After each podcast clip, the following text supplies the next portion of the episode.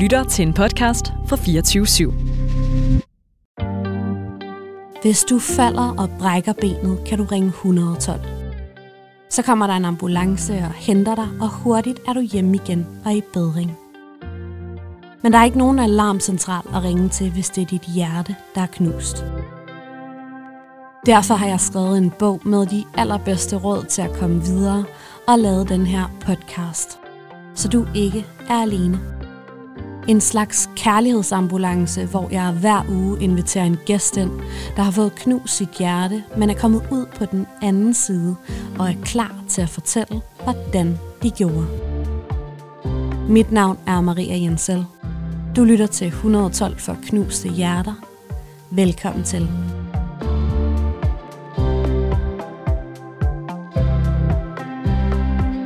Min gæst i dag er en multiprisvindende DJ, radio, tv og podcastvært. Han har spillet på landets største scener og festivaler for 100.000 af mennesker. Og så er han også forfatter til en bog om netop hjertesorg. I dag er han gift med sit livs kærlighed. Far til Penelope og snart også hendes lillebror. Men inden ægteskabet og kernefamilien blev etableret, har han flere gange fået knust sit hjerte i så voldsom en grad, at hele hans verden styrtede sammen for en tid. Velkommen til dig, Pelle Peter Jensel. tak. Sikke en sjov... Altså, jeg har jo ikke hørt den her intro på forhånd. Det har ikke været sådan noget, vi sad og skrev hjemme rundt om øh, stuebordet. øh, Nej. For jeg er jo, øh, til dem, der ikke måtte vide det, øh, gift med øh, verden i den her podcast. Ja. Men ja, tak, tak fordi jeg måtte, måtte, måtte være her. Det har været, øh, det, det har været længe undervejs, og jeg, er- det, jeg er spændt og glad for at sidde her i dag. Ej, hvor er det dejligt. Når jeg har spurgt øh, jer, der lytter med, hvem I allerhelst vil have skulle komme på besøg her i podcasten, så er et af de mest gentagende ønsker og navne, det er altså dig. Ja, og det er vel... Det er jo nok ikke fordi, at folk elsker mig, eller er kæmpe stor fan til mig, men det er nok fordi, at jeg er din mand, og fordi vi har skrevet øh, 112 for knust hjerter bogen Mhm. sammen.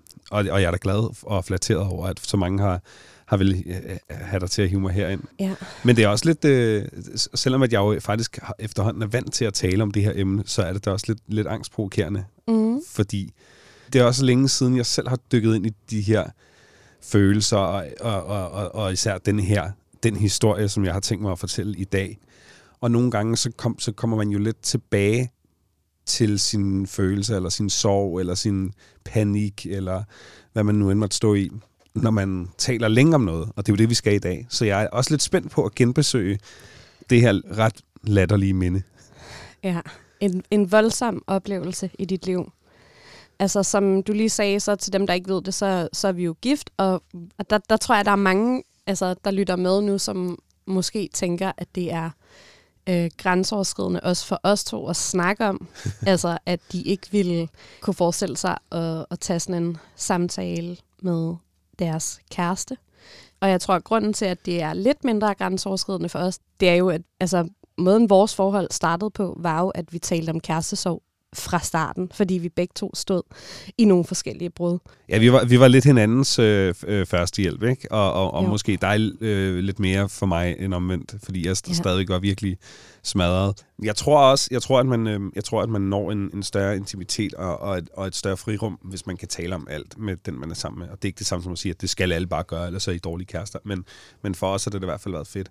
Øhm, så, så, øh, så ja, det er jeg i hvert fald ikke så bange for. Det klart mest angstprovokerende ved at sidde her i dag, det er jo egentlig, at jeg lige pludselig skal til at, øhm, at, at, at, at nogle mennesker, som jeg virkelig ikke har brugt meget energi på de sidste mange, mange, mange år, lige pludselig kommer til at fylde rigtig meget i mit hoved, i hvert fald i den næste times tid.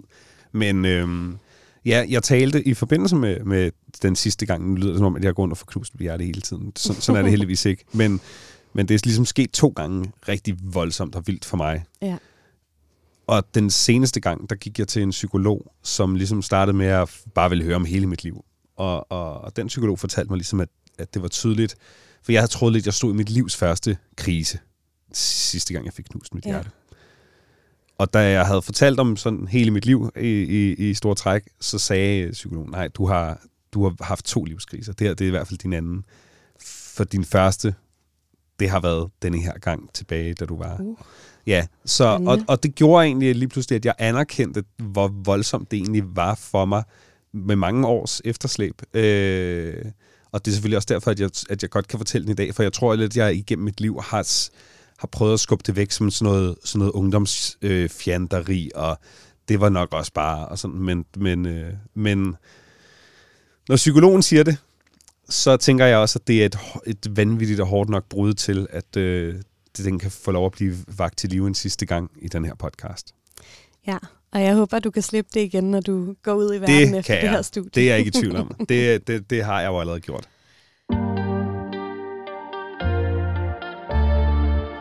Inden vi øh, dykker ned i det knuste hjerte, mm. så skal vi jo selvfølgelig, som jeg altid gør her i podcasten, skrive dit kærligheds-CV. Ja, Og det er jeg så spændt på, fordi jeg spørger jo alle mennesker om de her spørgsmål, hver gang jeg har en ny øh, gæst i studiet. Jeg har aldrig selv svaret på dem, og jeg har aldrig selv spurgt dig om dem. nej. Så, øh, så jeg er sindssygt øh, spændt på, Ja. øh, på dine svar. Jamen, jeg har også selv lidt tænkt over det, øh, men lad os, lad os køre. Pelle, hvor Ja. mange gange har du været forelsket? Ja, og der allerede der, der er- fordi hvad er en forelskelse? Jeg, jeg tror, at følelsen af at være rigtig, rigtig forelsket, har jeg i hvert fald haft sådan noget 7-8 gange. Og langt fra dem alle, der er blevet til forhold eller noget, men det er virkelig, det er sådan følelsen af, at når, fra du vågner til du går i seng, så er der nærmest et andet menneske, der ejer alle dine celler, dine tanker, din, hver eneste hjerteslag, og sekundet du, din hjerne ikke er optaget af et eller andet, så springer den over i, i en tankerække om det her Ja. væsen. Altså den der alt opslugende øh, forelskelse, den må være en 7-8 gange. Det, det, den har ikke været øh, gengældt alle 7-8 gange, men, men, men der har jeg i hvert fald blevet ramt lige i hjertet. Hvor mange af de her 7-8 gange har det så udviklet sig til at blive en kæreste? Jeg har nok haft øh, sådan en 4-5 kærester. Er det fordi, du er sådan lidt i tvivl om en af dem, om det rigtig var en kæreste, eller... Jeg har haft fire sådan seriøse forhold. Ja, Og så har jeg haft nogen, hvor man måske har været kærester, men så i et par uger eller en, eller Ja. en måned. så det ikke eller, helt føles, som om det gælder. Ja, hvor man sagde måske, man var kærester, men måske var det noget, man mere kom til at sige, end noget, man sagde, fordi man mente det. Eller, ja, så jeg vil sige, jeg har haft fire øh, langvarige, seriøse forhold. Mm. Hvor mange gange har du slået op med en kæreste? Jeg tror faktisk, øh, for det meste, så har det været noget, man er blevet enige om. Men ja. jeg, har, jeg har ligesom gjort det forbi, men i nogle forhold øh, tre gange, tror jeg, hvor at det har været enten et kæresteforhold, eller lige ved at blive det. Ja, hvor det er dig, der har sådan taget den afgørende. Hvor jeg har måttet sige, vi skal lige snakke. Ja. Og så fortælle, uh. at, øh, at, at jeg tror ikke, at det skal være, være os. Og øh, det er ikke dig, det er mig. Og alt det der. Ej, hvor forfærdeligt. Jeg får helt ondt i maven nu, tanken især, fordi det er dig, der siger det. Ja, men det er- ja, ja, ah, men der er du er bare roligt. Det, det, jeg, sat, jeg satser ikke på, at jeg skal gøre det flere gange i mit liv. Lad mig sige det sådan. Men, øh, men nej, og, det er, og jeg tror faktisk, at jeg også har været rigtig dårlig til det. Det er måske også en af grundene til, at, at, at flere af de her forhold har været noget, hvor man er ind med at tage en snak om, at det nok er det bedste. Det har måske også været, fordi at jeg, jeg et sted måske godt har vidst, at det ikke skulle være, men så har jeg kæmpet lidt for det, og jeg tænkte, det skal da ikke være mig, der ødelægger den gode stemning, og så videre, mm. så videre, indtil at, indtil at det egentlig er dødt, og så tager man snakken, og så er man enig om, at ja, ved du hvad, du, det, er, det har fandme været hyggeligt, men, men må ikke, at det bedste stopper nu. Og det er jo dejligt egentlig, at når, man kan, når, når et folk kan stoppe i fuld enighed. Mm. Det er jo den, Det er det, Det- største privilegie. det er trist, at det skal stoppe, men hvis det endelig skal være, så er det da fedt, hvis man er temmelig enig om det. Og ikke Ja. fordi man hader hinanden, men fordi at, at det gnisten er væk, eller at man er vokset fra hinanden, eller hvad det nu måtte være. Hvor mange gange har nogen så slået op med dig? Ja, men det er vel nok sket en... Øh, altså to gange slået op med, vil jeg sige. Men, Ja. men, men man kan jo også ende en romantisk forbindelse, som Mm. mm. ikke nødvendigvis har udviklet sig til et decideret forhold endnu. Og det er også sket et par gange. Hvor mange gange har du fået knust dit hjerte? Det har jeg nok en fire gange, tror jeg. Og to gange på en måde, så jeg, så jeg troede, jeg ikke skulle blive menneske igen. To gange på en måde, så jeg gik så meget i stykker, at selvom jeg blev samlet igen, så blev jeg samlet på en ny måde. Så var jeg et andet menneske. Altså to gange på en måde, som har gjort, at jeg ikke længere var den person, som jeg var inden bruddet. Og det er et af de brud, vi skal tale om i dag. Der svarer du også allerede på mit næste spørgsmål, om du troede, at du aldrig ville blive glad igen. Det troede jeg faktisk.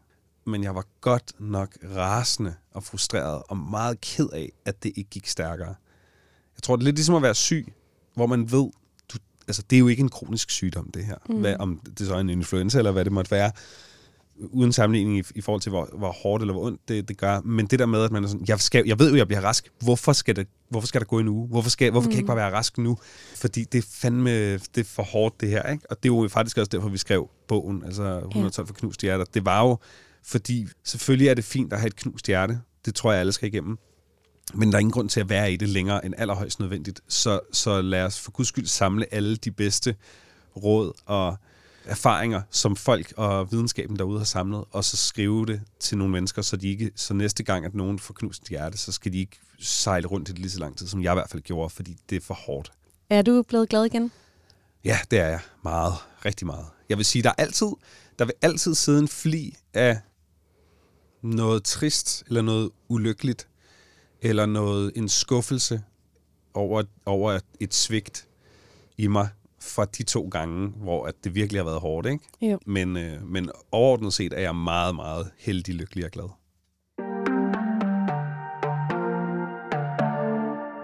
Skal vi ikke øh, prøve at starte ved begyndelsen? Jo. Jeg synes egentlig, at det er op til dig, hvor den her historie starter henne. Okay, nu skal I høre, venner.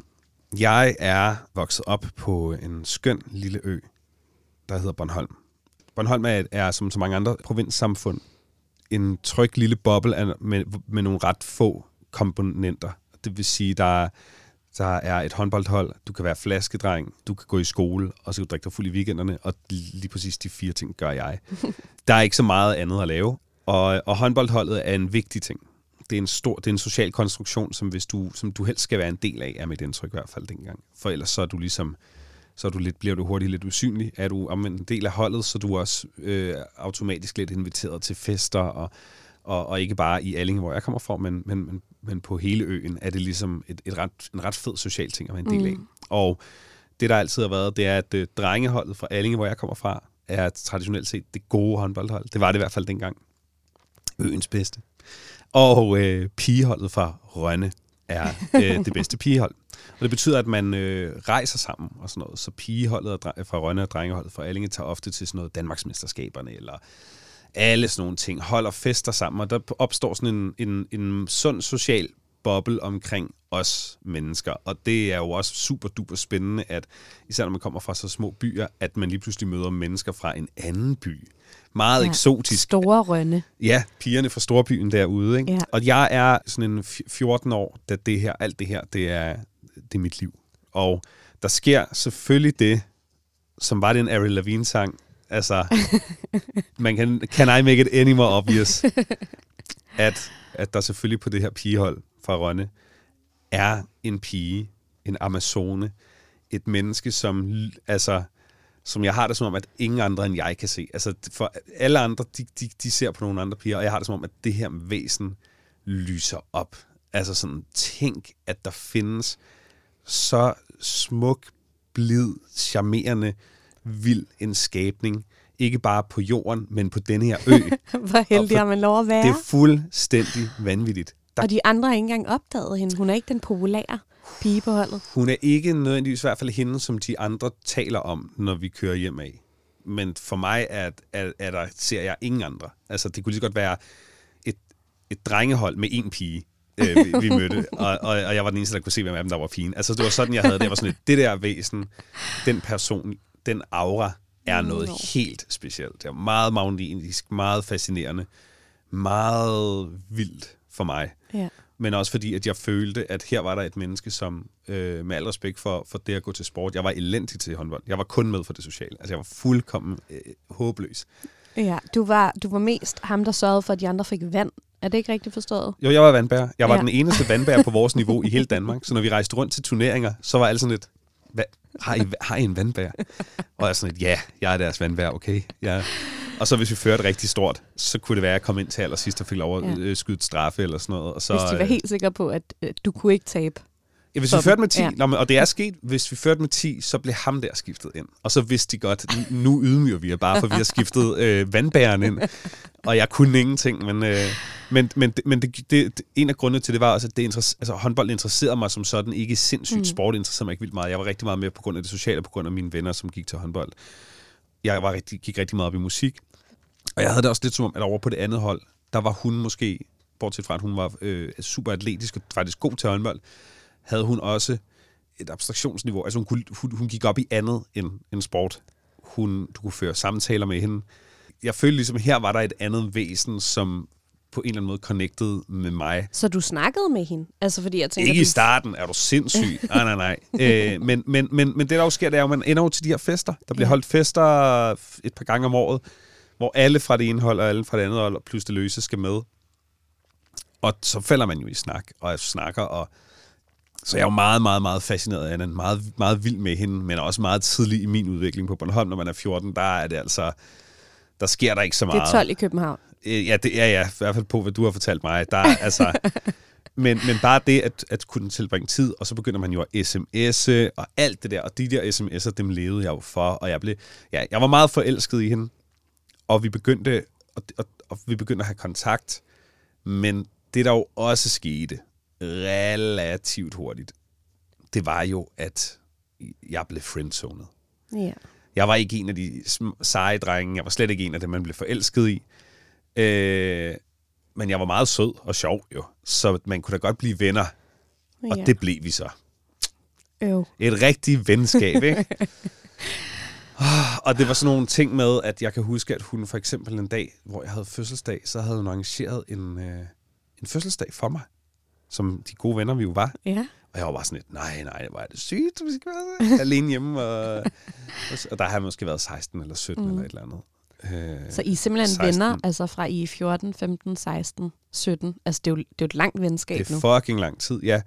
Og så kan jeg huske, og så surprise, så har hun inviteret et andet, øh, en af mine venner og hans kæreste med, hvor jeg bare blev, altså var så skuffet, fordi jeg gad sgu da ikke hænge ud med dem. Jeg var sådan, endelig skulle vi være alene. Men hun betragtede det som et venskab, og jeg betragtede det som, som en, en, en forelskelse, der var der i hvert fald overhovedet ikke blomstrede hos hende. Men bare det at hænge ud, var jo stadig mere, bedre end ingenting. Men i de her, altså sådan noget tre år, hvor det her venskab udvikler sig, Ja, er der aldrig noget tidspunkt, hvor du siger til hende, jeg er sådan set i virkeligheden forelsket i dig? jeg er jo nørd. Jeg tør jo ikke noget. Og jeg har også på fornemmelsen, at det ved hun jo udmærket godt. Ja. jeg tror, det kulminerer den sommer, hvor jeg fylder 18. Hvor at, altså, der har jo været mange fester, hvor hun også har kysset med andre, og det har jeg også. Og, og bare, altså, det er, ikke, det er ikke fedt. Og til sidst, så kan jeg ligesom mærke, at det her, det fylder så meget i mig, og har gjort det i lang tid. Jo ældre man bliver, og man bliver rigtig teenager, og ting sker, og folk bliver kærester, og så kan jeg bare mærke, at det her, det er ikke fedt. Det, nu, nu fylder det for meget, og der er ting, hun jo skal holde hemmelige for mig, fordi at det jo gør mig ked af det, hvis hun er sammen med hinanden Ja. og sådan noget. Og, så jeg siger faktisk til hende, prøv at høre her, jeg, er- jeg er ked af det, men jeg er jo meget vild med dig. Det ved du nok også godt. Ja, det vidste hun godt. Men det er for hårdt for mig at gå rundt og være forelsket i en, som ikke gengælder følelserne. Og det er også for...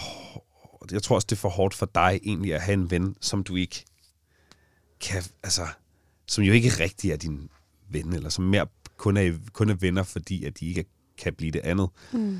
Og du skal holde ting hemmelige. Og, så jeg tænkte sådan lidt, måske skal, vi, måske skal vi sætte os begge to fri fra det her, og så sige tak for nu. Ja. Og det var rigtig hårdt, men jeg kunne bare, det gjorde så ondt til sidst. Jeg var så ked af, at, det, at, at jeg skulle lade som om, jeg grinede af, når hun havde kysset med hinanden. Eller sådan. Det gik jo ikke. Det er da alligevel en super moden samtale at have fra en. Altså for en som dig, som alligevel Ja. var så... Den gik, foregik over sms, øh, sådan som jeg husker den. Okay. Øh, fra mit drengeværelse i Allinge til hendes pigeværelse i Rønne. I gennemsnit skal vi igennem tre store heartbreaks, før vi fylder 30 år. Og selvom der nogle gange er en tendens til at bagatellisere kærestesorg, så er du i din fulde ret til at tage din sorg alvorligt. Det er nemlig på mange måder samme sorg, som vi mærker i vores krop, både fysisk og psykisk under kærestesorg, som hvis nogen vi elsker dør. Jeg får ligesom gennemtrumfet den her pause, og skal ligesom til at blive mig selv nu, uden den her forelskelse med hende. og jeg, jeg fylder 18, øh, og det betyder, at jeg lige pludselig kan få SU, hvilket betyder, at jeg kan flytte hjemmefra. Så jeg flytter til Big City, Rønne, øh, og får et værelse derude, holder, holder mig 100% for at skrive til hende, og, jeg, og hun gør det samme. Er det hårdt for dig? Ja, til at starte med, men jeg kan også mærke en frihed. Jeg kan også mærke, at det er faktisk dejligt at være, at være sluppet fri. Jeg er stadig ikke super forelsket, men det, men det er ligesom sådan en... Det, det, det har været nok nu. Ja. Så flytter jeg ud i sådan en, sådan en lejlighed med, en, med, med fire værelser, og jeg overtager et værelse. Og så skriver hun en aften, at hun, ligesom, hun savner mig så meget, at om ikke vi kan se, som ikke vi kan gøre et eller andet. Altså, fordi det er for, det er for hårdt for hende. Kan vi ikke ses eller lave et eller andet? Mm. Eller, og jeg er sådan pff, oh, fuck. Det, det er jo det, jeg vil allerhelst i hele verden. Ja.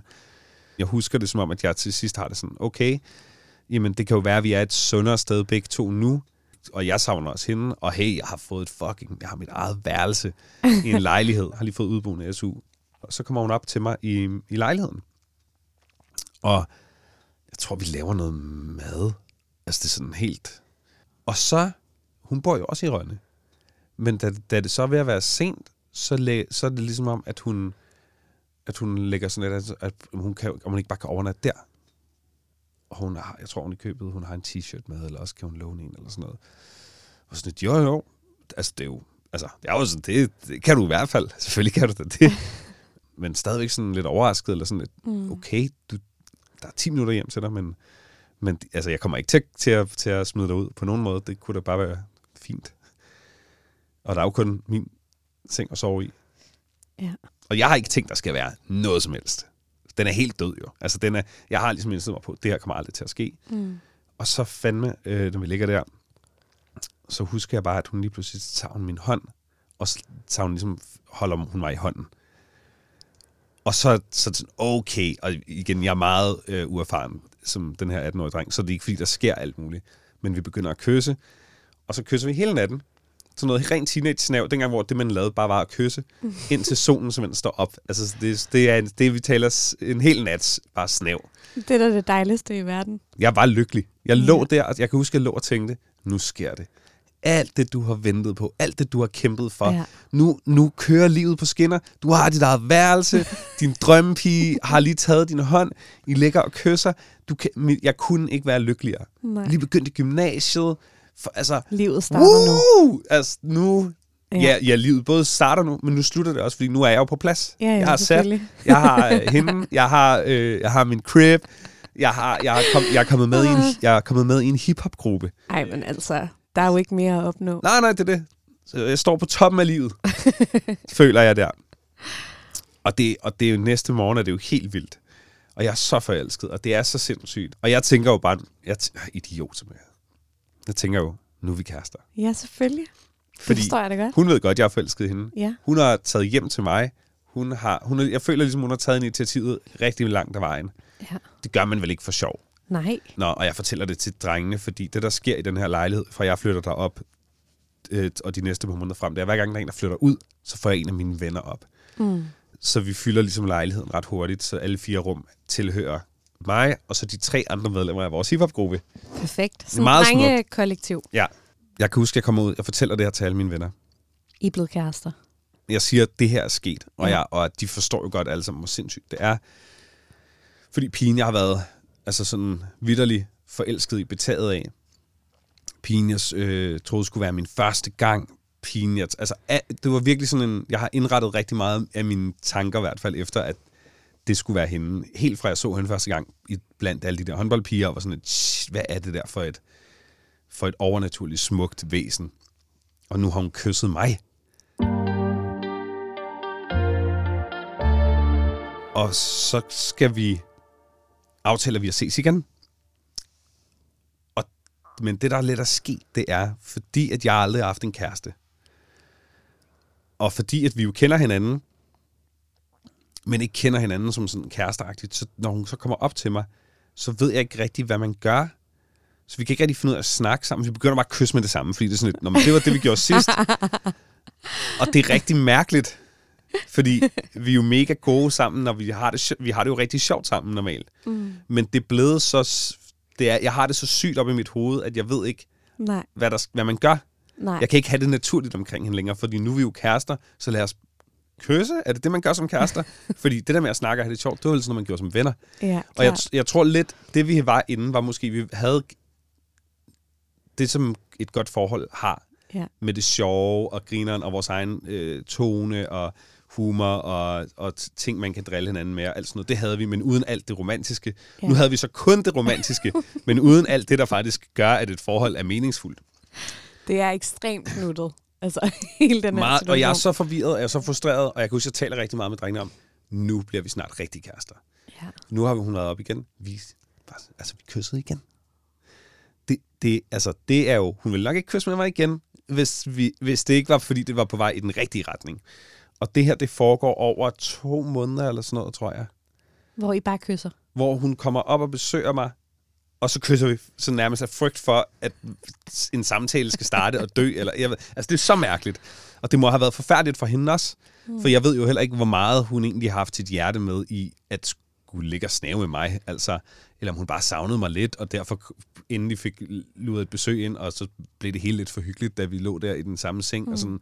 Jeg aner jo ikke, hvor lidt eller hvor meget investeret hun er i det her. Men Går jeg, du og overvejer ligesom og planlægger, at nu skal du spørge hende? Ja, jeg tænker, det fylder alt i mit liv. Det fylder alt i mit liv, det her.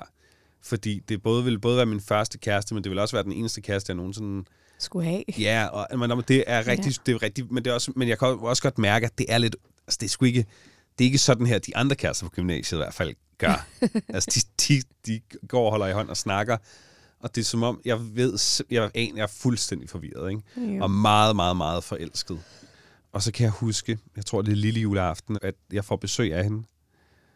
Så der har vi kysset mærkeligt, og ikke talt og sådan, i to-tre måneder, og jeg er mere forelsket, end jeg nogensinde har været hele mit liv, og, og så kommer hun op og besøger mig, og så fortæller hun mig ligesom, jeg tror hun har skrevet et brev faktisk til mig, om at hun er, er meget glad for mig, men, men, men også, at det, det er svært for hende, det her, og at hun, og at vi nok ikke skal fortsætte med det, vi har gang i lige nu.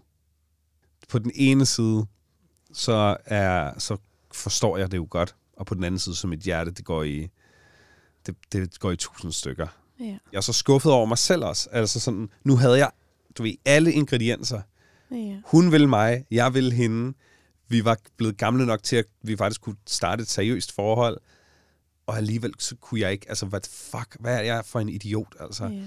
Og jeg kan huske, jeg kan ikke engang rigtig huske julen, hvordan jeg holdt den, men jeg kan bare huske, at jeg sidder i- en sådan en julesetting, og jeg, det er som om, at jeg ikke har noget blod i min krop. Så jeg sidder og bare og føler mig sådan helt bleg, kold og smiler sådan, haha, Men i virkeligheden har jeg, kunne jeg lige så godt ikke have nogen puls. Jeg, jeg er helt, fordi jeg har lige mistet det, det dyrebarste i mit liv. Det er så hårdt.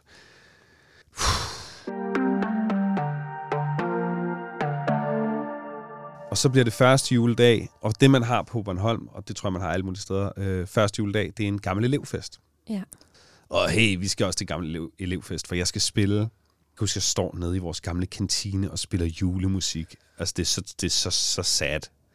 Og det eneste, jeg kigger efter, det er hvor er hun? Du, kommer hun ikke snart? Og bare lige så vi kan sige hej i hvert fald, ikke? Det er ja. for underligt det andet. Så det er stadig det eneste, du tænker på i den her situation, selvom du også jo elsker at DJ, og det også var en kæmpe passion. Så Ja, ja det, men, men du kan jo ikke... Altså, med et knust hjerte er alt jo lige meget. Ja. Altså, du kan jo lægge en milliard foran et menneske med et knust hjerte, og sådan lidt, "Nå, fedt nok, men det er jo ikke...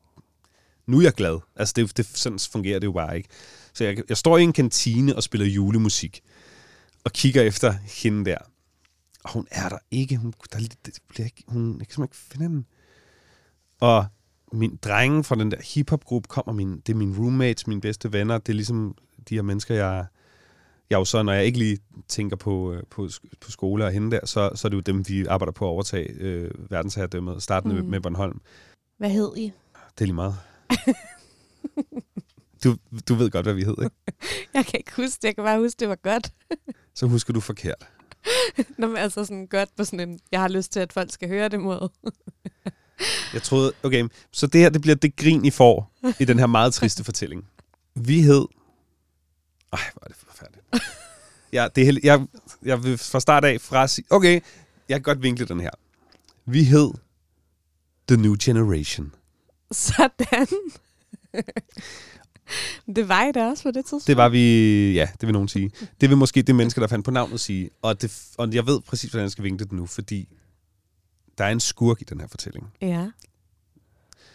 Og skurken er mennesket, der fandt på det her banenavn. Fordi det, der sker, det er, at jeg kan ikke finde hende her, eller jeg kan ikke se nogen steder. Da jeg endelig får fri fra det der de spillejob, så går jeg ud, og det er ikke sådan noget med, at jeg jagter hende, som øh, du ved, Rasmus Sebak i Natteravn. Men det er mere sådan en, man, holder, man kigger hele tiden sådan, hvor, hvornår kommer hun? Du ved, det er også ja. lidt sent. Og, når hun har været her, er der sådan nogen, der siger. Ja, hun er, øh, øh, men hun, hun har stået og snakket mega meget sammen med ham der fra din gruppe, din roommate. Nå, okay, ja, ja, ja, ja. Så de er sikkert, du ved, prøv at finde dine drenge, så finder du også hende. Og sådan lidt, nå, ja, ja, nå, men der er i hvert fald en af de andre drenge. Der er en anden af de andre. Hvor fanden er ham der? Og hvor fanden er hun? Åh oh, nej.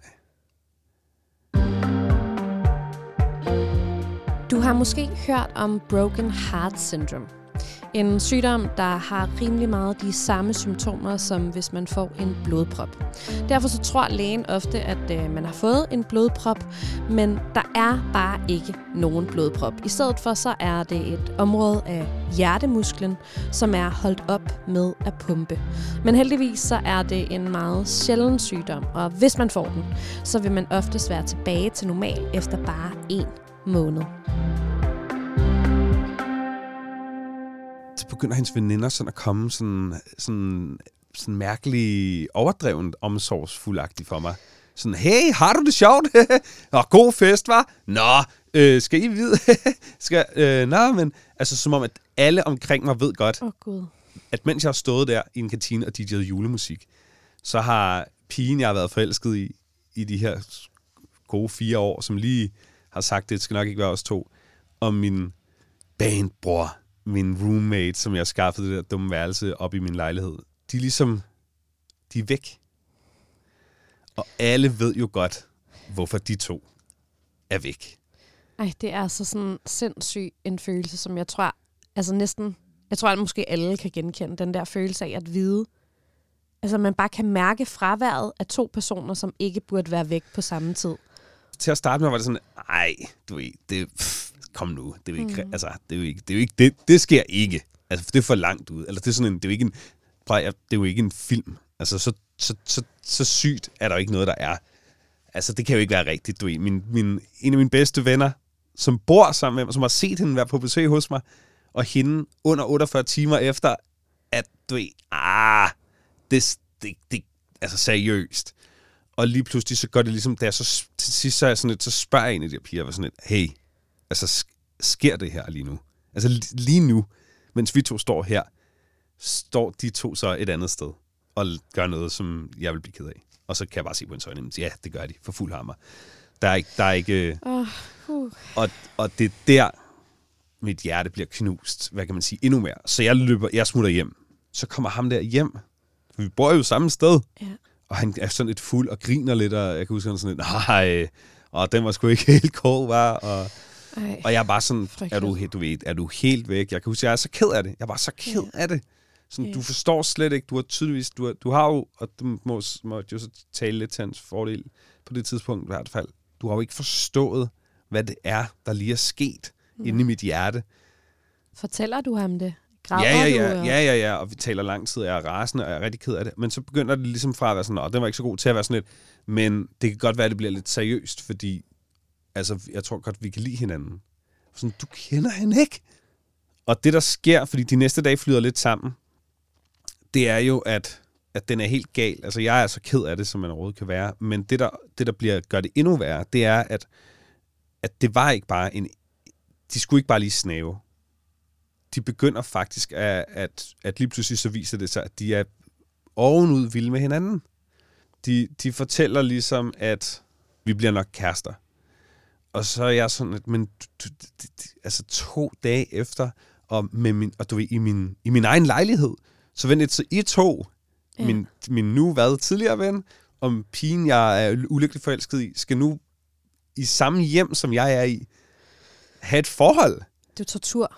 Altså, det er jo tortur. Ja, og så prøver jeg lidt, jeg kan huske, jeg sådan prøver at være sådan, øh, prøver i hvert fald at være the stand-up guy, og sige, på, hey, okay, jeg vil jo aldrig nogensinde bestemme over jer, men kan I please måske give det en måned, hvor I prøver det af andre steder end op hos os, og så kan, så kan det jo lande, hvis det er meningen, og så, så har jeg da i hvert fald en måned, og så kan jeg huske, at jeg ligesom bare får en besked om, at det skal jeg ikke bestemme. Og det, og det er jo i, altså, isoleret set korrekt.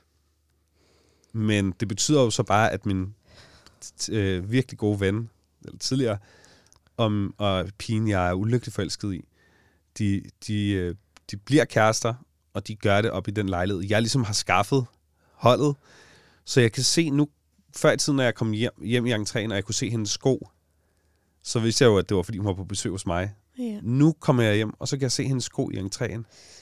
Og så ved jeg, at det er, fordi hun er inde hos, sin, inde hos ham. Ja. Og hver gang, så gør det bare så ondt. Og jeg kan jo høre lyde. Jeg kan jo høre ting. Ja.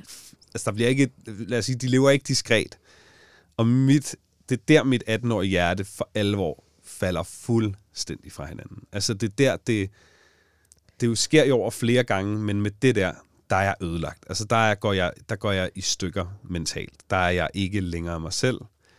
Jeg visner som person af, af, af skuffelse og sorg. Altså, jeg bliver ligeglad med alt. Jeg bliver apatisk, og det var også det, jeg lidt mener med, da jeg i starten sagde, at det var en af de knuste hjerter, hvor at man, ens person bliver ændret.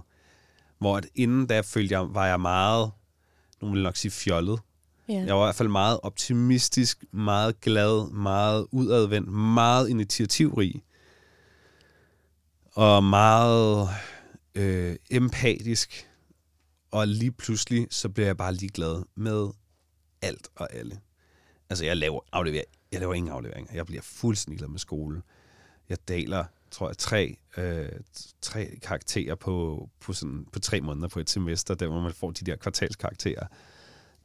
Jeg bliver et meget hånligt menneske. Jeg bliver meget sådan ned, nedladende over for andre mennesker. Som jeg også bliver gjort opmærksom på af, nogle, af for eksempel en af mine gode veninder, som jeg, som jeg havde kendt siden, også siden folkeskolen, og var sådan, hvad, altså, hvorfor svarer du sådan der? Hvorfor er du sådan? Eller, og jeg kunne slet ikke se det, for jeg var bare så ked af det, så jeg var bare sådan, altså, jeg var helt, Ja. jeg var latterlig. Så begyndte der at ske noget, noget andet, som jeg i hvert fald på det tidspunkt synes var rigtig spændende. Det var, at lige pludselig så forstod jeg, så fandt jeg ud af, at jeg, øh, det kan godt være, at jeg stod og spillede Last Christmas i en kantine, men selv det er spændende for nogle piger. Øh, det der DJ-værv. ja. Og lige pludselig Så, så vandbærerrollen havde ikke givet lige så meget. Den kastede ikke så meget, øh, så meget beundring af sig, men lige pludselig, og jeg havde jo altid haft skyklapper på, og bare var sådan noget, det er hende der. Ja. Så jeg jo aldrig rigtig, rigtig dyrket det helt vilde øh, med andre piger. Jeg havde kysset lidt med nogen, men det var ikke, jeg har aldrig rigtig set mig selv med andre. Nej. altså, Nej, Øh, selvfølgelig ikke. og lige pludselig, så, øh, så gik, så gik- var det som om, jeg ligesom kunne kigge op og være sådan lidt, okay, der er faktisk andre piger derude. Øh, ikke nødvendigvis nogen som helst, jeg skal være kæreste med, for jeg skal aldrig have en kæreste, for jeg skal ikke knuse mit hjerte. Men hold kæft, for er der mange piger, der i hvert fald gerne vil, vil, vil, vil se, om, de kan, om det kunne blive en ting. Og det udnyttede jeg til fulde, så jeg var jo sammen med alt og alle. Altså, ny hver weekend. Det var sådan helt åndssvagt. Og dengang var det sådan, altså jeg synes, det var rigtig fedt, fordi se, hvor mange der kan lide mig. Se, hvor mange der vil have Mm. mig. Og, øh, altså, og det var jo bare rigt, i virkeligheden rigtig, rigtig sørgeligt, ikke? og rigtig trist, og også rigtig nederen over for mange af de der piger, som jo var nogle vanvittigt søde og seje, dygtige, smukke piger. Og som nogle af som- dem sikkert var vilde med dig mere end Ja, eller i hvert fald, hver- jeg kan altid, jeg havde rigtig ofte, til sidst blev det en regel for mig ligesom at sige inden, hov, du skal bare lige vide, jeg skal ikke have en kæreste. Fordi jeg så mange gange havde oplevet, at, gøre en, at piger blev ked af det, når jeg, så, når, vi, når jeg mandagen efter så dem og var sådan, åh, hej, hej. Hvor de var sådan, hey, øh, altså, for et andet siden havde du tungen ned i min hals, og nu er det bare et hej, hej, skulle vi ikke. Hvis man gør det, så er det vel, fordi man vil noget mere. Ja. Og det var jeg på ingen måde interesseret i. Så jeg, jeg gik bare rundt og knuste hjerter i et væk også, og var bare, jeg var bare ikke et særligt fedt menneske. Og det, det var jeg jo grundlæggende ikke, fordi jeg var så ked af det, ikke? Ja. Og, og, og så må man jo finde, så må man jo så finde sin glæde i andet, og min glæde, eller den, den bekræftelse, jeg i hvert fald ikke fik derfra, den fik jeg jo så fra, fra, fra alle de her. Følte du, at det sådan helede dit knuste hjerte på det tidspunkt? Altså for hver pige, du var sammen med? Ej, og hele er nok ikke det korrekte svar. Det er lidt ligesom at drikke sig fuld. Det er mm. lidt ligesom at bedøve det. Eller, eller at dis- distrahere sig selv fra det. Ja. Sådan så, når man hvis, hvis, øh, hvis jeg, når jeg står den her lørdag aften og snæver med den her øh, i øvrigt sikkert, altså fuldkommen fantastiske pige, men det kunne jeg bare overhovedet ikke tage ind, fordi jeg var slet ikke det sted. Så, så, så tænker jeg, at så ligger jeg da i hvert fald ikke hjemme på sengen og kan høre, altså, jeg kan jo vidderligt huske klappelyden ude fra badeværelset. Ja. Den kan jeg vidderligt stadigvæk genkalde mig i dag. Det er så, Så skal jeg ikke ligge og høre den i hvert fald. Jeg vil altid gerne være den, den ordentlige, og når jeg skulle kysse med en, skulle det være mit livs kærlighed. Og, dum, og det følte jeg ligesom, jeg har brugt fire år på det, og hvad er takken?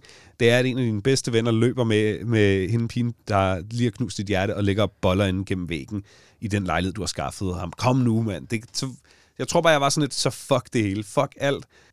Så er jeg også bare et svin. Hvis, hvis, hvis der alligevel ikke er nogen, der overholder reglerne, hvis takken for at forsøge at være ordentlig, både en god ven og en god øh, kæreste, eller i hvert fald øh, bejler, at det der, så fuck alt. Altså, så, så har jeg, så, så jeg, jeg skylder ikke nogen noget.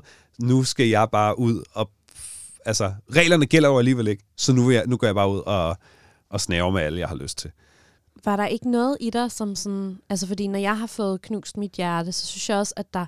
Jeg kan sagtens genkende rigtig mange af de her følelser, og mm. også en selvdestruktiv adfærd, men der har også på et tidspunkt opstået noget i mig, hvor jeg har tænkt, nu hungrer jeg så meget efter at blive forelsket igen, fordi det føles som om, at forelskelse er noget af den, den nemmeste vej til at erstatte et knust hjerte. Jamen, der var, jeg var jo så ny i gamet, kan man sige.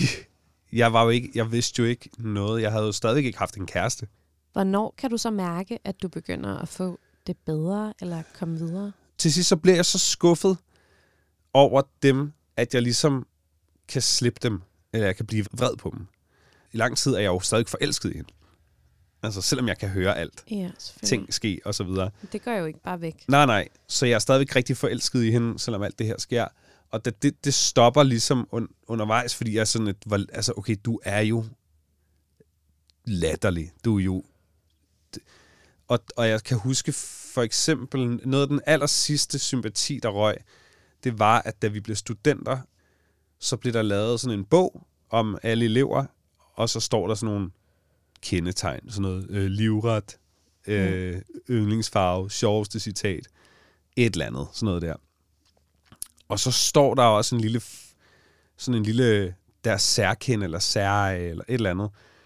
Og jeg kan huske, at der står i hendes bog, højdepunktet, det dramatiske højdepunkt i hendes gymnasietid var, da hun fandt sin kæreste, så stod der sådan noget, det, det onde uhyre Pelle forsøgte at skille dem ad, Nej, og sådan nogle ting. nej, nej, nej, nej. Sådan noget lignende. Jeg, jeg, kan ikke, jeg parafraserer nu, ikke? Det, jeg kan ikke huske, Jo, om det var præcis sådan, det var skrevet, men det var ligesom fremstillet som om, at de havde, de havde fundet hinanden, de havde fundet kærligheden, hvilket de jo havde, Hmm. og at jeg så, som, som the bad guy, forsøgte at ødelægge deres forhold. Så der blev jeg bare så skuffet, fordi det var sådan en, så har du slet ikke forstået noget som helst. Nej. Jeg har bare forsøgt at passe på mit lille hjerte, Ja. jeg, jeg tror egentlig bare, at, øh, at det, det døde. Jeg fik mindre og mindre sympati for dem, og, ja. og, og brugt mere og mere energi på, på mig selv. Begyndte at rejse rigtig meget til København, få nye venner. Jeg følte jo også, at mine venner, sådan, jeg ved ikke om de svigtede mig, men de havde svært ved at tage afstand fra det. Altså, Ja, de tog ikke afstand fra det. Nej. Og det følte jeg også var lidt mærkeligt. Var det sådan, er I helt væk? Kan I ikke godt se, at det er fucked? Jo, men det var også, og det var også en svær situation for dem at være i. Især hvis man du ved, ryger rigtig meget bong, så kan man ikke nødvendigvis overskue sådan til meget. Så de var sådan lidt uh, Schweiz i det hele. Ja, Øh, og det er jo også sådan et altså, øh, sådan en lille bitte, bitte lokalt samfund, hvor Ja. ja. der er så til, tilpas få mennesker til, at det er vildt ubelejligt for dem Prøv at, at vi var være uvenner med nogen som sammen. helst. Vi var, vi var jo stadig en hiphopgruppe. Det var også så mærkeligt. Altså, det var jo mærkeligt den der lejlighed, når, når, når, når de gik ind i et køkken eller et rum, så gik jeg altså, ud af det med det samme. Men vi havde også den her hiphopgruppe lidt, hvor jeg stadig forsøgte at booke nogle jobs og være sådan, ja, fordi han var den ene af rapperne, og det var sådan, altså det var bare mærkeligt. Sådan er det jo, når du er så lille et sted. Jeg kunne ikke lige gå med i en anden hiphopgruppe. Altså, og jeg nægtede, jeg var også sådan lidt, jeg nægter, en ting er det, det der er udført her, det er nederen. Men jeg nægter at flytte fra den her lejlighed, for det var fucking mig, der skaffede den. Jeg nægter at gå ud af den her gruppe, fordi det, det, det, det gør jeg fandme ikke. Du, det får du mig ikke ud af, du ved. Når du ser tilbage på det, sådan, ja. tror du så, det ville have været sundere for dig at sige, nu flytter jeg, og jeg går ud af den her gruppe. Jeg skal slet ikke, jeg skal noget helt andet. Ja og nej. Det havde helt sikkert været bedre for mig i det daglige, Ja. at jeg ikke skulle konfronteres med de der ting og få sådan en mini-angstanfald, hver gang jeg øh, hørte en spændende lyd, eller sådan nogle øh, sko, der var en størrelse mindre end, mm. end, end vores. Men på den anden side, så tror jeg, for min selvrespekt var det rigtig sundt, at jeg bare var sådan, nej, fuck fucking ja. Yeah. Men det gjorde jo som sagt, at jeg begyndte at tage rigtig meget til København og få nye venner derover. Ja. Altså tage til alle mulige musikting, og, og på faktisk begynde at starte, øh, det, uden at det var sådan særlig kalkuleret. Men mange af de mennesker, jeg mødte på alle de ture, blev mennesker, som jeg selv, altså som jeg taler med i dag, og som øh, jeg så har spillet koncerter med, og med på turné med. Og det gjorde ligesom også, at jeg, i stedet for at kigge ind i den her lille dumme hiphopgruppe, så jeg begyndte at arrangere mine egne fester, arrangere koncerter selv, tage til København, spille alle mulige steder. Ligesom bare bruge energi på mig selv, og på at blive glad, og på at gøre ting, jeg synes var spændende. For jeg fik det meget, jeg, som sagt, jeg blev en lidt anden person. Jeg blev lidt mere fuck alt og fuck alle. Ja. Og nu skrider jeg, og øhm, så fuck Bornholm, nu tager jeg til København, øh, fuck uh, The New Generation, nu tager jeg på Rub It Up i stedet for, øh, og øh, altså, det var ligesom sådan en, det, det gjorde ligesom også, at jeg, at jeg fik lidt en, øh, en, en udlængsel, og tænkte, det, det, det ikke bare er det øh, nogle, nogle latterlige mennesker i en latterlig situation, måske skal jeg så også bare lede efter den, de venner, eller det fællesskab, eller den musik, eller de ambitioner et andet sted. Og det gjorde jeg så, og fandt dem. Så det var det, der hjalp dig videre i sidste ende, altså at flytte til København og dyrke musikken. Der var, der var både det, der var også det at arrangere festerne på Bornholm, og blive altså DJ alt, hvad jeg kunne, og købe plader, og kysse med andre piger, og altså gøre alt andet, end Ja. at være hjemme i lejligheden og glo på øh, hendes sure sko. altså,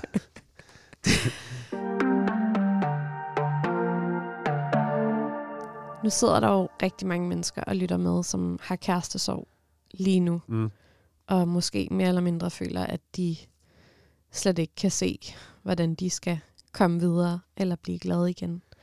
Hvad er dit allerbedste råd til dem, der sidder med et knust hjerte nu? Det er jo lidt sjovt, fordi altså nu, den, i den der bog der, vi har skrevet, Ja. der står der jo en milliard råd til alle mulige faser af, af sorgen og, ja. og så videre. Og, og, og for mig er der jo flere faser, og dermed også flere råd. Og, jeg, og, og et af de råd, det, det er ikke rådet, men noget, som jeg gjorde der. Og igen, jeg er et meget pacifistisk menneske. Jeg har aldrig været op og slås. Jeg er meget ikke voldelig. Men jeg, jeg kunne, en, en dag, der var jeg så ked af det, og så vred og så frustreret, og jeg var bare så, jeg var ved at boble over, jeg vidste ikke, hvad jeg skulle gøre, jeg var både ved at græde, og kunne ikke finde ud af det, og så jeg sagde til min roommate og ven, som ikke, altså en af de andre drenge, så jeg, jeg tror altså, øhm, jeg tror, jeg går ud og smadrer øh, den der stol, der står derovre nu, fordi jeg skal af med et eller andet. Og han synes, jeg var latterlig. Og det var jeg jo måske også. Men der så gjorde jeg det. Jeg udså mig den dårligste stol i hjemmet. og så gik jeg ud i vores sådan et vindelfang, vi havde. Øh, og så smadrede jeg den stol. Og det hjalp. Hvordan smadrede du den? Altså sådan smadrede den ned i gulvet, eller havde du et, et våben mod Jamen, det var en længere proces, for jeg er jo ikke særlig stærk.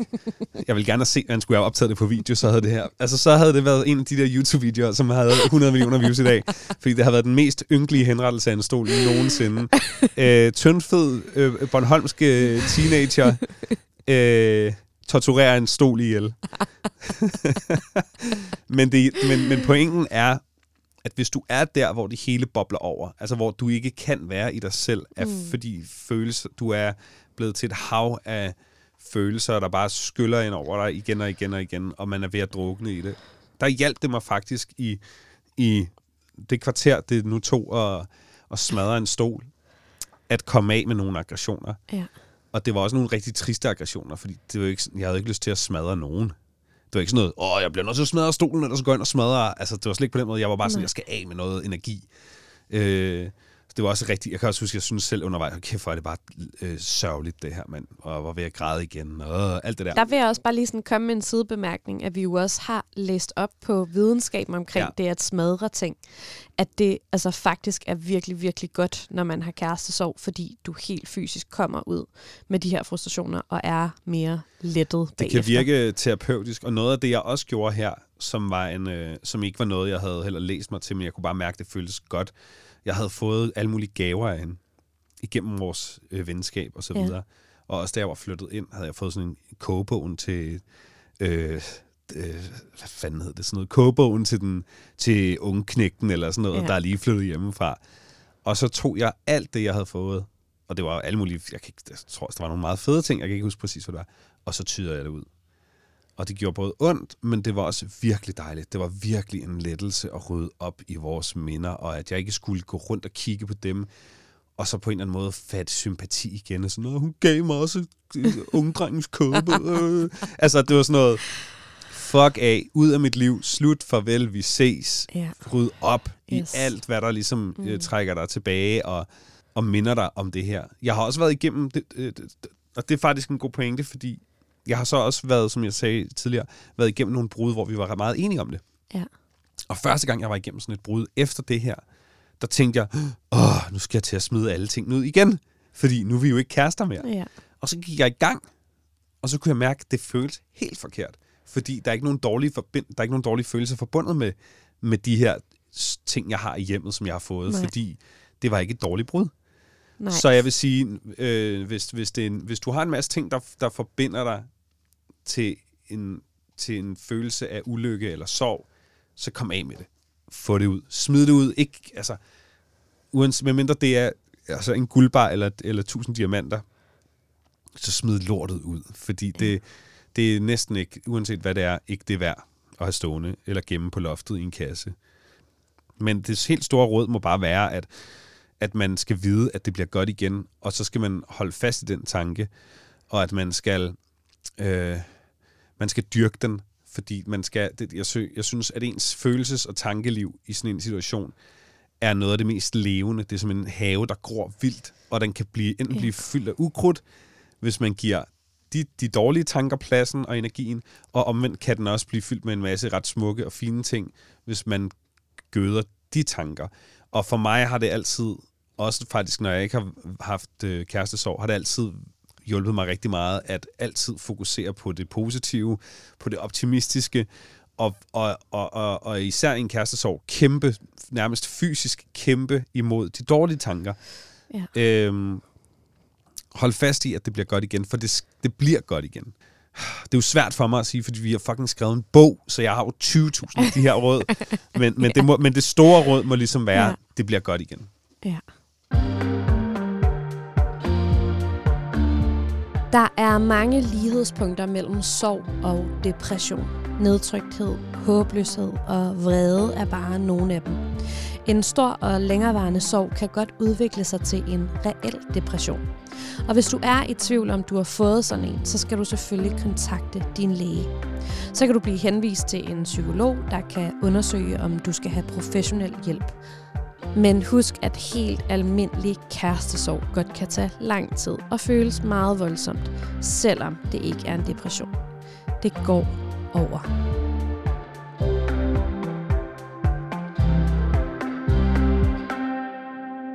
Er du øh, klar på at øh, lege en lille runde af Jeg har aldrig lejen? Ja, det med er jeg. kærestesorgspørgsmål. Ja, for helvede. Jeg er også, altså igen, ligesom med kær- kærlighedscV'et, er jeg super spændt på det, fordi vi leger det jo med andre. Men, men, øh, men jeg har øh, jo ikke rigtig stillet dig de her spørgsmål Nej. før. Du må svare så ærligt, du øh, tør, ikke også? Jo. Jeg har aldrig løjet for ikke at miste en kæreste. Jeg har helt sikkert. Jeg kan, ja. ikke, jeg kan ikke lige komme i tanke om, hvad det skulle være, men jeg, kan ikke, jeg tror ikke, jeg vil... Jeg tror, det føles mere ærligt at sige, ja, det har jeg nok, end at sige, ej, det har jeg aldrig. Nej. Hvad fanden kunne det være? Det kan, også, det kan faktisk også være det her med, hvor at du, at du er så forelsket i nogen, at du gerne vil, vil dem så meget, at du lyver om, hvem du egentlig er. For... Altså, det er meget sådan noget, jeg tænker på. Ja, altså... men det er også sådan noget med, når men det irriterer mig da slet ikke. Ja, El, præcis. altså, at der er nogle, måske nogle sider ved, ved det menneske, man er vild med, som man øh, har svært ved at rumme, men man er bange for at skubbe vedkommende væk ved at Mm. sige det, eller klage over det, eller sige, Ja. det synes jeg er for dårligt, eller sådan. Ja. Og det er jo i hvert fald en, en, en løgn. Det er en farlig løgn, fordi det vokser jo bare til en dag, så eksploderer det, men det har jeg da helt sikkert. Ja, Ja. Jeg har aldrig stalket en ekskæreste, og vi taler ikke kriminel stalking, men sociale medier eller over på skolen, være de rigtige steder. Øhm, på sociale medier har, synes jeg altid, jeg har været rigtig god til fra start af at sige øh, tak og farvel, og slette alt og alle, der måtte være relateret til vedkommende. Altså unfollow alle i omgangskredsen. Ja. Blokere også. Ja, ja, eller- ja. Især hvis, altså, hvis det er et dårligt brud. Ja. Hvis det er et fint brud, så har jeg ikke noget problem med, at vi, altså, så, jo, så, og, så følger jeg ikke længere den nærmeste familie og personen, fordi uanset om det er et godt eller et dårligt brud, så er det stadigvæk et brud.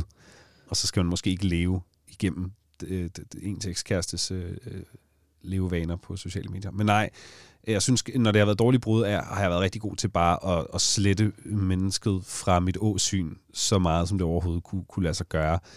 Ja, så, så, så der har jeg, der har jeg, der, der har jeg faktisk gjort, kørt den modsatte. Jeg var sådan lidt, uh, kunne man køre en anden vej? Eller skulle man måske lade være med at overhovedet være ja. herover Eller, øh, eller bare, når man har taget en taxa forbi, lad os sige, øh, et sted, hvor det kunne være, så ki- lad være med at kigge ud af vinduet. Altså sådan helt, jeg skal ikke kigge her. Jeg Det skal tror jeg ikke kun her. er sundt. Ja, men man må så bare heller aldrig indrette hele sit liv efter det, fordi til sidst så opbygger du sådan et fængsel for dig, hvor at du kan aldrig tage ud på den her restaurant, for der har I været engang. Eller Nej, du kan aldrig klart. gå en tur rundt om søerne, fordi det, der er mange, der rundt om søerne. Altså, Ja, du bliver også nødt til på et tidspunkt at så tilbagerobre de der områder øh, fra dit traume, så du ikke så du ikke så jorden ikke er giftig lige meget hvor du går. Det er det. Altså, det er fint nok, at i en periode, hvor mit hjerte er allermest sårbart, så beskytter jeg mig lige mig selv. Men på et eller andet tidspunkt, så må jeg... Ja, for jeg kan huske, at jeg brugte rigtig meget energi på at tilbage. tænke på, hvad, hvad gør jeg, hvis jeg møder det her menneske? Ja. Får jeg et hjertestop? Altså, så det, helt, ja. det, så det var sådan en, det er helt sikkert en af mulighederne. Altså, fordi jeg havde det så sindssygt på Ja. det tidspunkt, ikke? Ja. Øh, eller går jeg amok, eller begynder jeg at græde, eller kigger Ja. jeg væk, eller så, Ja. så, ja, så var det nok nemmest bare at sige, jeg stalker i hvert fald ikke. Nej. Jeg har aldrig været sammen med en anden for at gøre min ekskæreste jaloux. Jo, det har jeg jo nok. Altså, jeg tror, jeg, jeg tror da egentlig, at, at mange af de piger, jeg øh, kyssede med i gymnasietiden, var, øh, var lige så meget lidt, se mig. Ja. Se, nå, så du, ja, så kan det godt være, at du ikke kysser på mine læber, men så bliver de altså lånt ud til alle mulige andre. ja. Ha, ha, ha, for dig. Og egentlig var det jo bare lidt, lidt ynkeligt, men, øh, men det var også meget sjovt, og det, var en, det gav mig i hvert fald en, en monumental sådan kort øh, følelse af, at det var mig, der var ovenpå. Jeg har aldrig taget hævn over en ekskæreste. Gør jeg det her egentlig? er det her hævnen? Nej, nej, for jeg har jo ikke rigtig haft nogen, jeg, altså decideret, jeg ville hævne mig på. Jeg har jo fået mit hjerte knust sådan rigtigt to gange, og de to gange, så har jeg egentlig mest af alt bare haft lyst til at løbe, altså få, få vedkommende til at forsvinde fra mit, øh, fra min hjerne og mit hjerte og, og jordens overflade. Ikke fordi jeg ikke følte, de havde ret til at eksistere, men fordi jeg ikke, det ville være nemmere for mig, hvis de ikke eksisterede længere. Ja. Den, den næste er jeg lidt spændt på, fordi ja. Det kan være, der øh, ligger noget i vores hjem, som, som jeg ikke ved noget om. Ja. Jeg har aldrig beholdt en fysisk ting, jeg ikke kan give slip på, som minder om min ekskæreste. Nej, det er der, det er der, det er der med garanti ikke. Men så, det var mere, fordi jeg begyndte at stene over øh, grunden til det. Altså en, jeg ikke kan ja. slippe, fordi at det er der med garanti ikke. Men så begyndte jeg nemlig at tænke, er der overhovedet noget? Det er der ikke. Nej. Man kan sige, Alt er ryddet op. der hvor jeg, da jeg flyttede øh, ind i den lejlighed, som du så endte med at flytte ind i også, der flyttede jeg jo, jeg havde ikke engang en seng. Altså jeg havde vidderlig en kuffert med tøj. Det var ligesom, det var sådan, det startede. Så Ja. nej, jeg har, ikke, jeg, har ikke, jeg har ikke lige sådan et hemmeligt rum, hvor at, øh, der øh, hænger 10.000 minder fra, fra andre forhold. Jeg har jo en lille, en lille kasse med, med gamle, sm, altså med en plastikhalskæde og en konkylie. Hvad har du? en lille kiste og et kærestebrev og en kvittering og en biografbillet og sådan noget. Altså som... Kvittering for flammen og alle de gode ting Præcis. fra det andet. Fra jeg var 13 år gammel, som jeg har samlet lidt gennem årene. Ja. Det synes jeg bare er noget af det, det Ja. hyggeligste. Men der tror jeg bare, at jeg har jo... Nej, det har måske heller ikke været de mest gavefyldte forhold. og de gaver, der har måttet være, dem har jeg så afleveret tilbage, hvis, øh, hvis det var et menneske, som jeg ikke lige havde lyst til at tage med videre i mit liv. Så nej, det, nej, det tror jeg faktisk ikke, der gør. Der, øh, der har måske lige, kom lige tanke om, der har måske været en enkelt kop. Men det, det er nok det.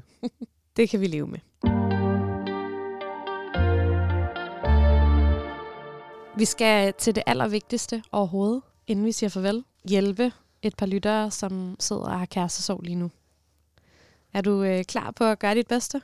Ja, det, det er jeg virkelig. Og, og, og inden vi går i gang, vil jeg bare godt sige, at, øh, at, at jeg, øh, jeg føler altså oprigtigt talt med jer, og jeg er, for jeg kender følelsen alt for godt selv, og øh, ja, jeg håber, at øh, rent hjerte, at jeg kan hjælpe.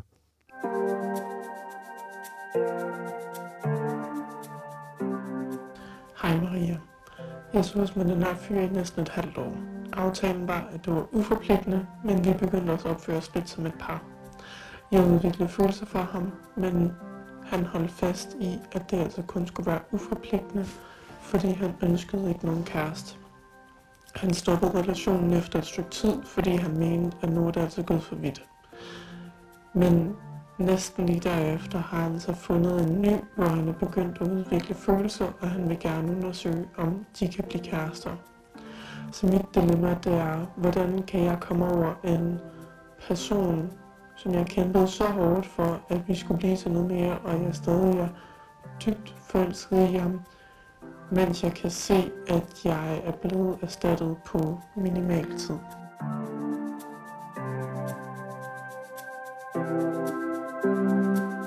Lyder lidt som en gentagelse. Ja, det gør det altså. Ej, huha. Jamen, øhm, jeg tror, at det bedste råd for mig må være, at, øh, at i stedet for at tage det som noget nederen, som det åbenlyst er, at føle sig ligesom erstattet meget hurtigt, så, så, så tag det som det tydeligste tegn på, at det ikke skal være jer, og at du derfor skal se fremad og, og forsøge med alt, hvad du kan, at give slip på ham slet, igen, øh, altså lav den helt store oprydning for det her menneske, fordi det, det andet er for hårdt. Det er for hårdt at leve i en forestilling og en fortælling ind i hovedet om, at det selvfølgelig er jer, når han måske en dag finder ud af, at det ikke skal være ham og hende, og han jo faktisk også har sagt, at det ikke skal være jer, og så videre. Altså, jeg synes, at alle tegn i verden peger på, at, at det, er, det er han desværre ikke interesseret i, at det skal være. Og, øhm, og nogle gange, så føler man lidt, at man, skal, at man godt kan argumentere sig frem til, at selvfølgelig skal det være os. Selvfølgelig. Mm. Fordi vi var så gode, og det var så hyggeligt, og det var så sjovt, og det var sgu da også meget fedt, at det var lidt uforpligtende. Og måske kan vi bare gøre det uforpligtende alligevel igen. Men han har jo allerede sagt det. det vi skal ikke være kærester. Og hvis, man, hvis en ikke synes det, så er det lidt lige meget, hvor meget den anden synes det. det, det, det altså hvis man skal karikere det lidt, så hvis der kommer en over til dig på gaden og siger, jeg synes, vi skal være helt vildt meget kærester. Altså, det vil være det fedeste i mit liv, hvis vi to bliver kærester. Så er det egentlig lidt lige meget, om han synes det, eller hun synes det. Fordi det synes du nok ikke. Og, og, og selvom at det er en, en ekstrem situation, jeg her stiller op, så er pointen den samme. Så længe at den ene af to ikke er interesseret i det, så skal det ikke være. Nej. Og det synes jeg, der, der er to meget tydelige tegn på her. Det ene er, at han har sagt det. Det andet er, at han har fundet en anden. Og derfor så synes jeg, kære du, øhm, der stiller spørgsmålet, og alle, der måtte have det på samme måde, I skal ikke bruge mere energi på det her menneske. I skal bruge den energi på jer selv i stedet for, fordi det er fandme meget energi, man, man lægger i sådan en her oplevelse og sådan en her sag. Så, jeg, så mit bedste øhm, råd må være, at, at forsøge at slette vedkommende fra tankerne, og det gør man ved at slette vedkommende fra sin, fra sin dagligdag, fra sociale medier, og ikke bare slette, men blokere.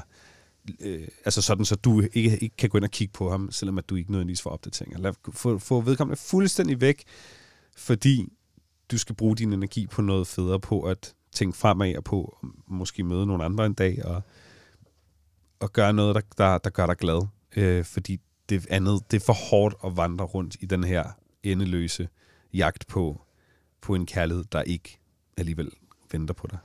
Ja, og det er jo også altså noget af det, som videnskaben siger omkring sådan afhængighed af, af forelskelse, af en afhængighed af en anden person. At hvis du vil stoppe med at ryge, så skal du jo heller ikke have cigaretterne liggende foran dig. Og på samme måde, så, øh, så, så tror jeg også, at, at, at du har helt ret i, at svaret om, hvordan man kommer sig over, at han ser en ny, er jo, at, det slet ikke eksisterer i dit liv. Ja, men også fordi, man, den- man, når man er i sådan en situation, så vil man gerne tolke rigtig meget på alt, hvad man ser. Ja. Så man, og man vil altid gerne tolke det over i en, i en vej, der hedder, at ah, men så, ja, det kan godt være, det ser ud til. Det der billede, der smiler han ikke lige så meget, som hun gør, så han er nok på vej ud af det. Og det må betyde, at han er på vej over til mig. At du ved, man begynder, man bygger alle mulige fuldstændig vanvittige fortællinger op i ens hjerne. Og det er hårdt, det er så hårdt, både at bygge de fortællinger op, og også indse, at de ikke passer, og lede efter det næste, man kan tolke på. Man skal bare give sig selv fri fra, fra, fra alt det der, for det er, det er for hårdt til at, til at være i. Så, så jeg vil sige, øhm, luk ned for det, og, og, og, og se fremad. Og se fremad, det er jo en meget abstrakt tanke, men det kan være, at, at, at alt, hvad du brænder for, det skal du, det skal du dyrke og, og, og gøre. Se dine veninder, øh, noget, der får dig til at tænke på noget andet, end, end det der menneske, fordi han er smuttet. For to måneder siden gik min kæreste gennem tre år fra mig. Vi havde netop købt en lejlighed sammen, og vi havde brugt to måneder på at gå og indrette det, som vi troede skulle være vores nye fælles hjem de næste mange år. Før det havde vi også boet sammen et år, og før vi blev kærester, havde vi været venner i syv år, så jeg har altså kendt ham i 10 år. Jeg følte mig helt sikker på, at han var den, jeg skulle dele resten af mit liv med. Jeg var glad, og det følte jeg også, at han var, og jeg så ikke nogen advarselssignaler, og han ændrede ikke adfærd. Men en morgen siger han så, at han føler, at der mangler noget i vores forhold.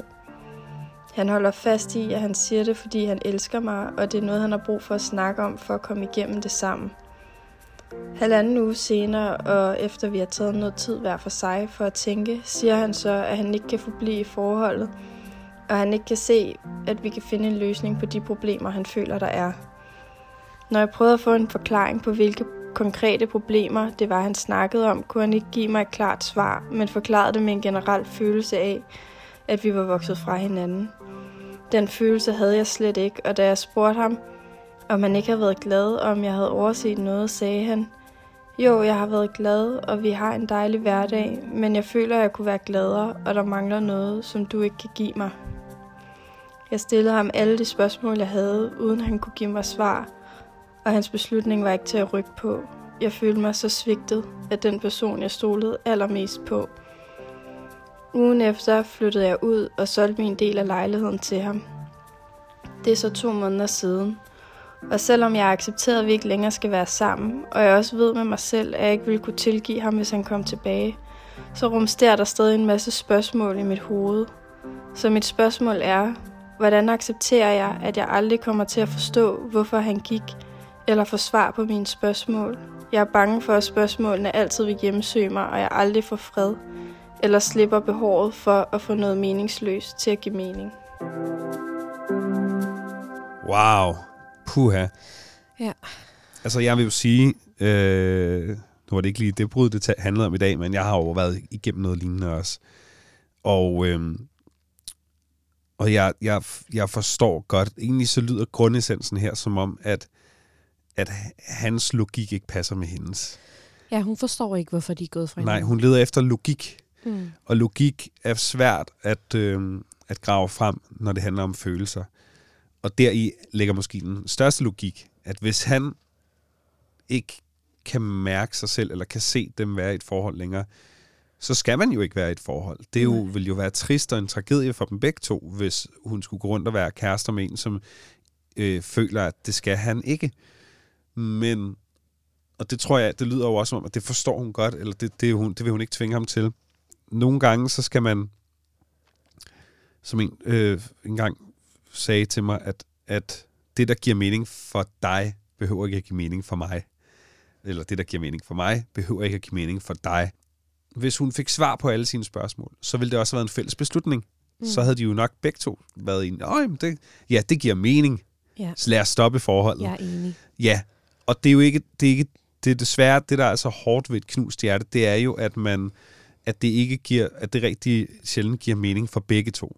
Mm. Og derfor er det også, er, så, så er det meget menneskeligt at gå på jagt efter en logik. For jeg, jeg, jeg kan godt acceptere det, så længe jeg forstår det. Men hvis ikke man forstår det, hvis det handler om en følelse, som jo ikke er nødvendigvis så særlig øh, Øh, noget, man kan argumentere øh, logisk ud fra, men mere noget, man kan mærke ind i, om det føles rigtigt eller forkert, eller øh, om det kilder i maven eller ikke kilder i maven.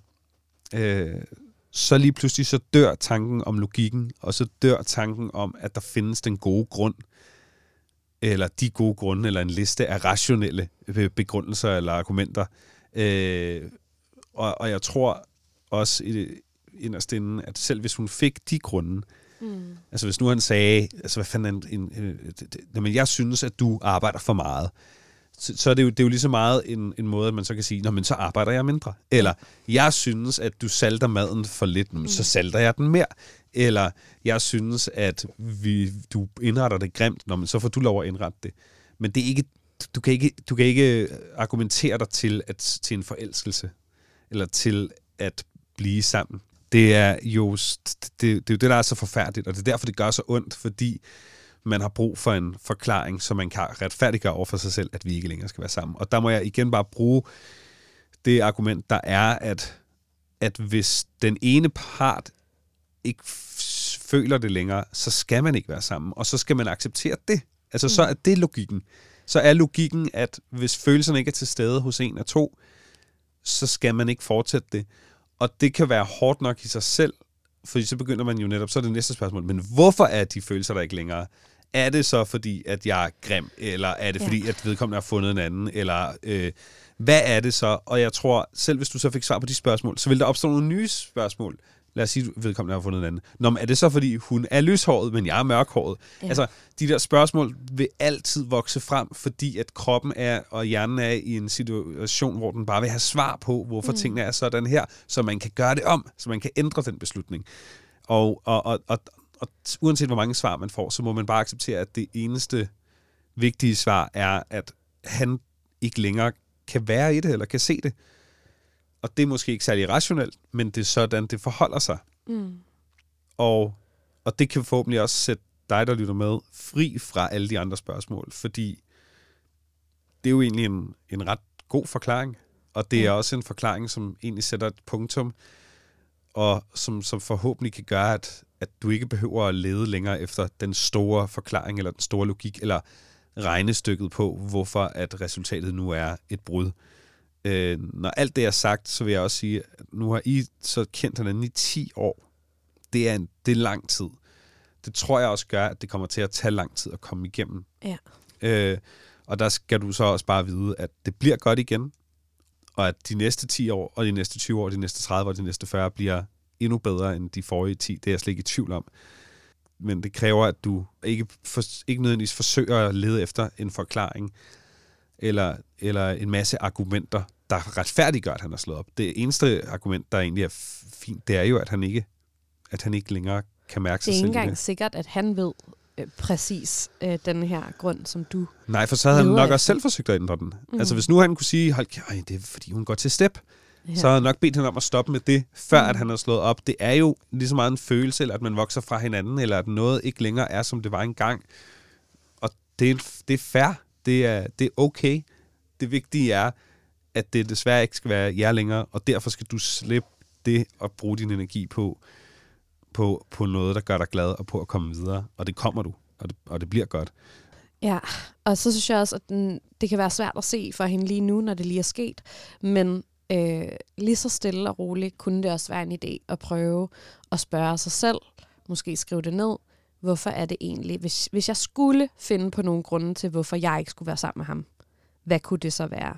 For lige pludselig så opdager man jo også tit, at der er alle mulige grunde til, at det måske ikke var det rigtige, men som man ikke kan se, så længe det er den anden, der ikke vil være sammen. Ja, eller som min psykolog sagde, øh, da jeg var rigtig ked af det, og, og tale om det her fantastiske menneske, jeg nu ikke længere var sammen med, hvor øh, min psykolog så sagde, hvad har I egentlig til fælles? Ej, vi har meget til fælles. Vi har... Øh, men det er jo... Altså, vi kan bare godt... Hu, nej, ikke rigtigt. Altså, lige så viste det sig sådan, vi har ikke rigtig noget til fælles. Måske er det mere det her med, at vi har købt lejligheden. Vi har kendt hinanden så længe. Nu har vi investeret så meget i det her fælles liv. Så jeg har drømt, at vi nu selvfølgelig også skal have børn og leve sammen og alt det her. Så lige pludselig, så, så fordi man er så forhippet på, at det skal være os, og nu har vi gjort alt det her for, at det skal være os. Så glemmer man helt at se på, om man egentlig har, er i et rigtigt forhold, eller om det er godt, eller hvad man egentlig har til fælles. Og, og når det så stopper, så bliver man så frustreret over, at ens drømme dør. Og ikke længere, det ikke længere skal være alt det her, man har håbet på og troet på. At man slet ikke accepterer, at, at det faktisk måske er det mest fornuftige. Så man, man er måske lige så forelsket i ideen om, om det perfekte forhold, mere end man er i den person, man er i forholdet med. Og når, når så den anden person har indset det, eller er nået til et sted, hvor det ikke længere skal være, så, så er man fuldstændig uforstående, fordi vi havde sgu da en lejlighed. Vi havde hele det her liv sammen. Mm. Men hvad havde vi egentlig? Det, det, det er jo det farlige spørgsmål, ikke? Og det, det, det kan også være sundt at få besvaret, for så lige pludselig så går det op for en, at måske er det ikke så sørgeligt og trist, at man ikke længere er kærester sammen, men selvfølgelig er det fucking frustrerende, at alle de drømme, man havde, ikke længere er, for nu skal man ud og etablere dem igen med hinanden. Pelle Peter Jensel, tusind tak, fordi du kom og øh, fortalte din intimiderende hjertesårshistorie, som du øh, i hvert fald lidt følte, det var. Selv tak, og, og, og alt godt til alle involveret i, i, i den fortælling. På trods af alt det der råd, og, øh, og så kan det være, at øh, du en dag skal fortælle en af dine fortællinger til mig. Ja, det er jeg også spændt på. Hvis du har et kærestesorgsspørgsmål, du gerne vil have hjælp med her i podcasten, så kan du sende mig en besked på Instagram. Så kan det være, at det er dit spørgsmål, vi tager op i næste uge. Og indtil da, så skal du bare huske, at alt bliver godt igen. Mit navn er Maria Jensel. Du har lyttet til 112 for knuste hjerter. Vi lyttes ved.